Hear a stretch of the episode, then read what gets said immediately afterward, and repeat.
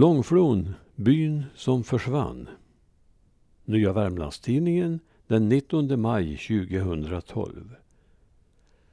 Så går jag här åter på en väg som icke är, i en by som icke finns, men som visar sig några dagar varje år.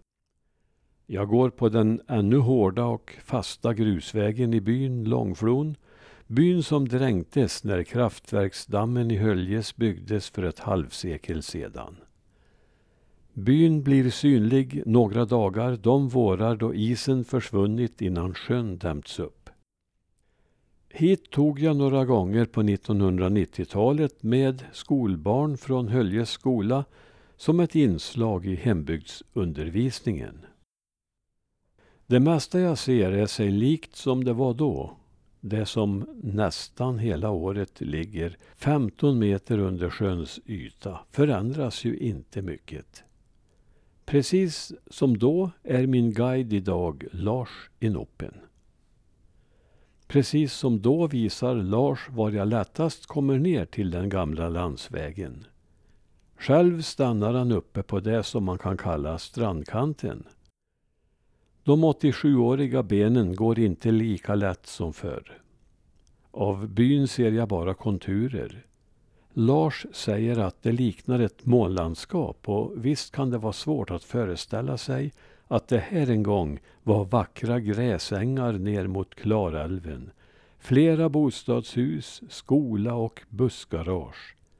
För att inte tala om människor. Av bussgaraget som låg vid busslinjens ändhållplats ser jag bara betongplattan och av skolhuset finns bara trappan kvar. Märkligast känns det kanske att se platsen för den stora Larsgården, den största gården i den här landsändan på sin tid.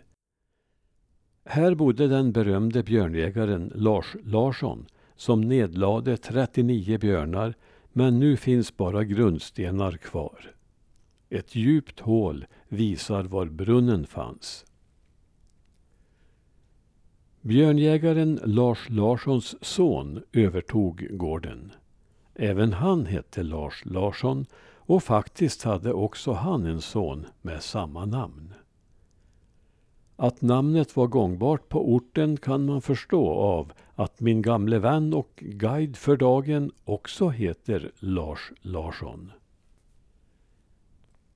Lite vemodigt är det förstås och det känner Lars ibland när han tänker tillbaka även om han inte är lagd åt det sentimentala hållet. Han talar om skolan och han pratar varmt om Audiabäcken, en liten hussamling med egen Konsumbutik som låg strax söder om Långflon, just där man kör upp till hans stuga i Noppen. Av den byn syns inga spår, för dammen håller på att fyllas. Efter alla år i området och många års skogsarbete är Lars i Noppen den som bäst känner både skogstrakter och forsar i älven. Forsar som fanns. Här kan man nog ana något av saknad i rösten när han beskriver de vackra forsarna som dränktes av den stora sjön.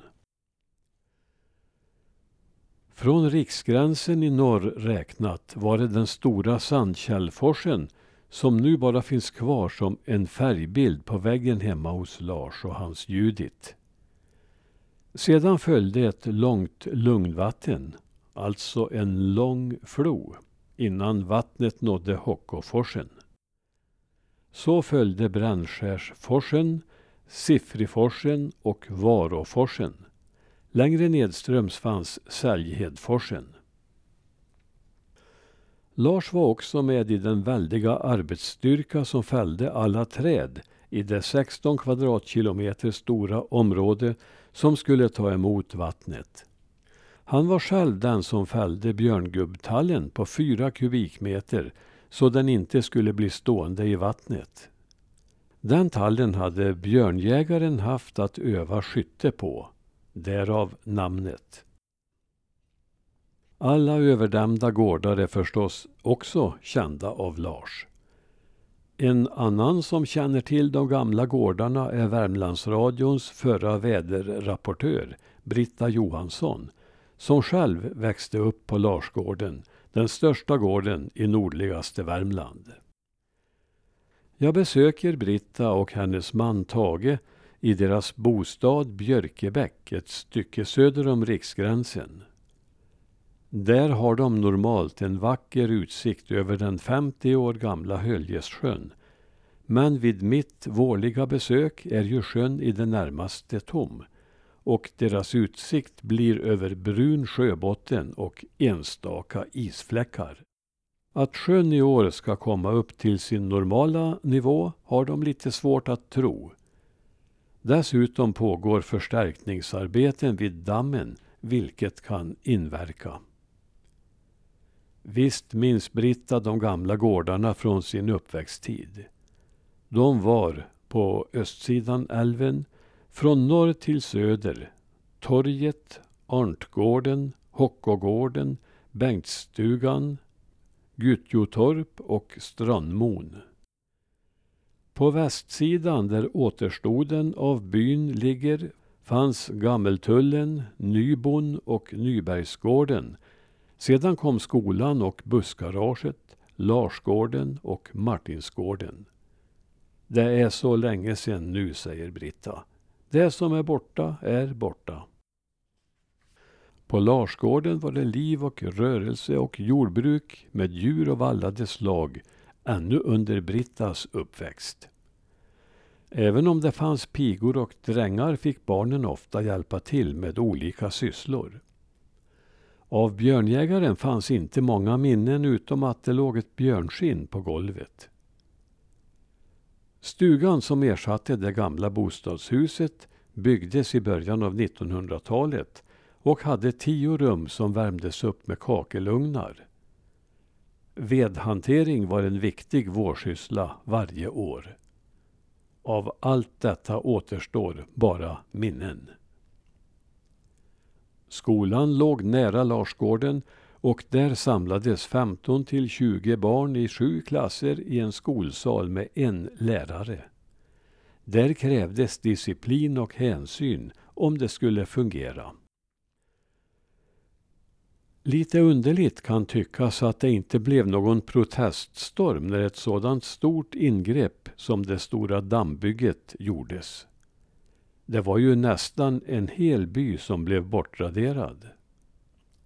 Tydligen blev många lite överrumplade och samtidigt nöjda över att få betalt för vattenrätter.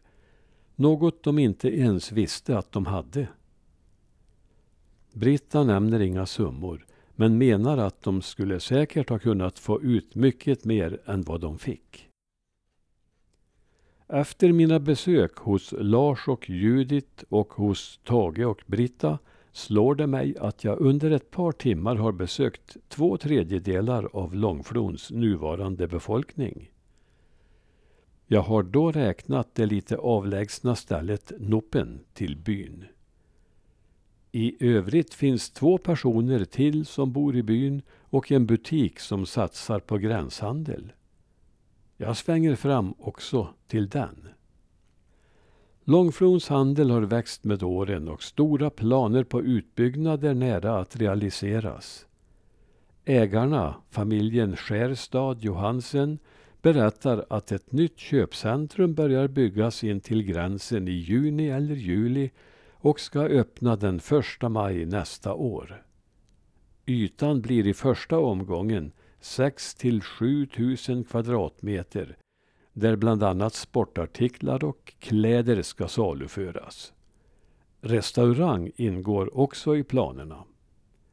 Man är dessutom förberedd på en fördubbling av butiksytan. Det låter storslaget med ett köpcentrum i en by med sex personer filosoferar Judit uppe i noppen med glimten i ögat. Förmodligen får de sex invånarna trängas med rätt många köpsugna norrmän. Är det detta som ska bli det stora lyftet för byn som försvann under vattenytan?